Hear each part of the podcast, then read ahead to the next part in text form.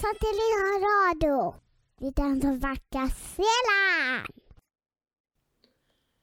Den katolske kirkes katekisme, uke 48, onsdag 971 til 975.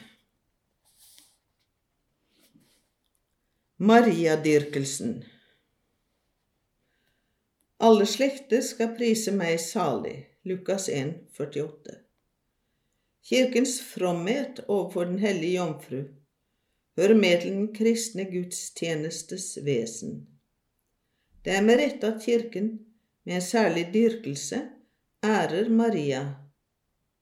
Fra de aller første tider ble jomfru Maria også dyrket under navnet Guds mor, i viss varetekt de troende i bønn anbefaler seg i alle farer og trengsler.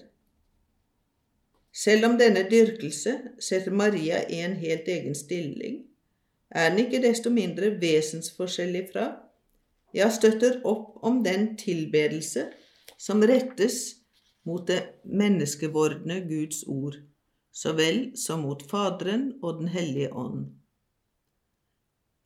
Mariadyrkelsen finner sitt uttrykk i de liturgiske fester som er viet Guds mor, og i mariabønner, slik som rosenkransen, hele evangeliet sammenfattet.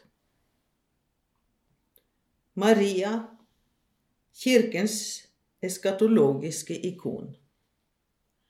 Etter å ha talt om kirken, dens opphav, dens sendelse og dens bestemmelse, kunne vi ikke avslutte på noen bedre måte enn ved å vende blikket mot Maria, for i henne å skue hva kirken i sitt mysterium er, under troens pilegrimsgang, og hva den skal bli når den har lagt vandringsstaven ned i sitt fedreland, hvor hun som kirken ærer som sin Herres mor og sin egen mor, venter den i den aller helligste og udeligste, udelelige treenighets herlighet i alle de hellige samfunn.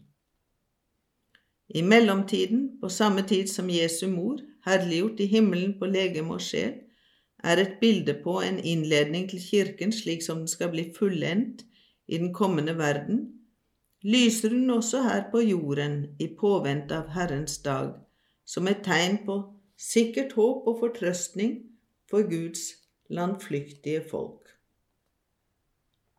Kort sagt, ved å uttale sitt fiat, det skjer på budskapsdagen, og ved å samtykke i inkarnasjonens mysterium begynte Maria allerede da å samarbeide med hele det frelsesverk hennes sønn skulle utføre.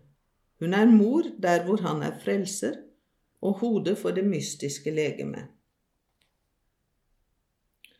Den allhellige jomfru Maria, da hun hadde fullført sitt livsløp, ble med legeme og sjel tatt opp i himmelen. Der har hun allerede del i sin sønns oppstandelsesherlighet, en foregripelse av oppstandelsen til alle hans legemes lemmer. Vi tror at den allhellige Guds mor, den nye Eva og kirkens mor, fortsetter sin morsgjerning i himmelen for Kristi lemmer.